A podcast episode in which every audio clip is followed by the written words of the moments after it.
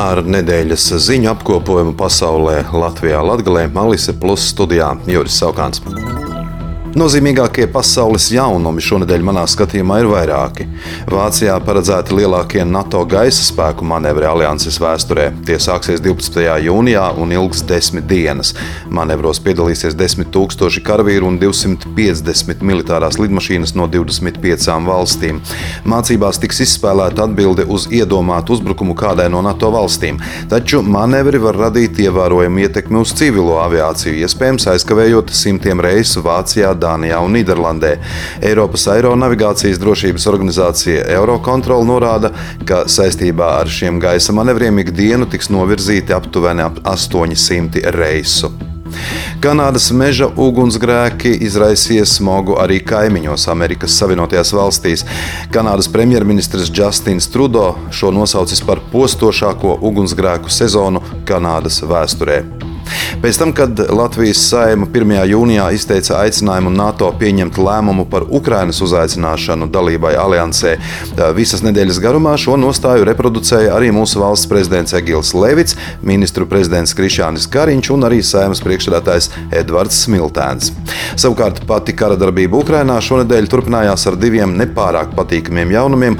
Pirmkārt, Kahovkas hidroelektrostacijas sprādziens un aizsprosta izjukšana izraisījusi plūdus virknē apdzīvotu vietu un nopietnas humanitārās problēmas, kā arī risku nākotnē palikt bez vajadzīgā ūdens apjoma Zaporīžģijas atomelektrostacijas dzēsēšanai.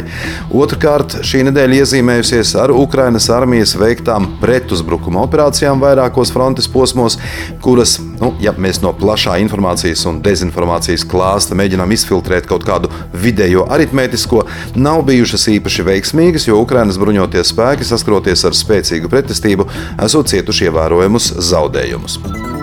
Tajā pašā laikā tālākais Latvijas Republikas pārvaldes modelis joprojām nav līdz galam skaidrs, un tam par iemeslu ir maija beigās notikusi prezidenta ievēlēšana, kuras rezultātā nu ir uzsāktas sarunas par iespējamu koalīcijas paplašināšanu ar Zaļo un Zemnieku savienību un progresīvajiem, pret ko iebilst Nacionāla apvienība un apvienotais saraksts.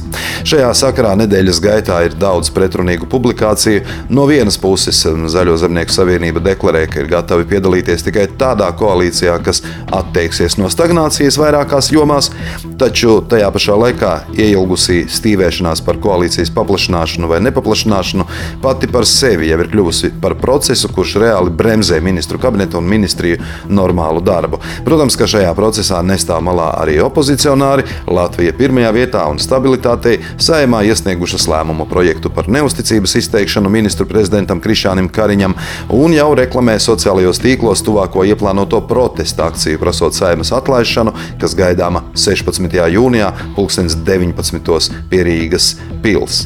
Ar to es domāju protesta akciju, nevis saimas atlaišanu. Ernst Young jaunākais investīciju pievilcības pētījums liecina, ka Latvijā pagājušajā gadā visvairāk jauni ārvalstu investīciju projekti sākti Rīgā, Daugoplī un Valmierā.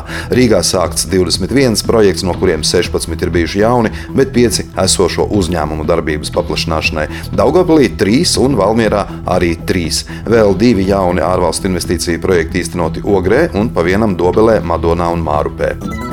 Ar labu ziņu Daugopilis šonadēļ atzīmējusi neatkarīgā rīta avīze, rakstot par to, ka pirmais Daugopilī ražotais tramvajs jau drīzumā kursēs pilsētas ielās. Kā zināms, Daugopils lokomotīvu remonta rūpnīca sadarbībā ar Čehijas kompāniju Prago Imex realizē jaunu izmēģinājuma projektu tramvaju būvi Daugopilī. Kāpēc gan Latvijai tramvaji par dārgu naudu jāpērk Čehijā, ja tos var ražot tepat Latvijā, tādējādi dodot ieguldījumu valsts tautsēmniecības attīstībā un radot jaunas darba vietas vietējiem iedzīvotājiem? Ar šādu retorisku jautājumu noslēdz ziņas ievada tekstu žurnāliste. Rūpnīcas pamatdarbības joma joprojām ir lokomotīvu remonts, un pieaugot lokomotīvu remonta pasūtījumiem no Eiropas Savienības valstīm, plānots papildus pieņemt darbā rūpnīcā 100 līdz 150 darbiniekus. Jāpiebilst, ka pat labam 25% rūpnīcas darbinieku ir no Ukrainas. Tas tad šonadēļ viss. Studijā bija Juris Saukāns. Nedēļas ziņu apskats tiek veidots projekta Ziņas bez robežām pasaulē Latvijā Latgalē ietvaros ar Sabiedrības integrācijas fonda atbalstu.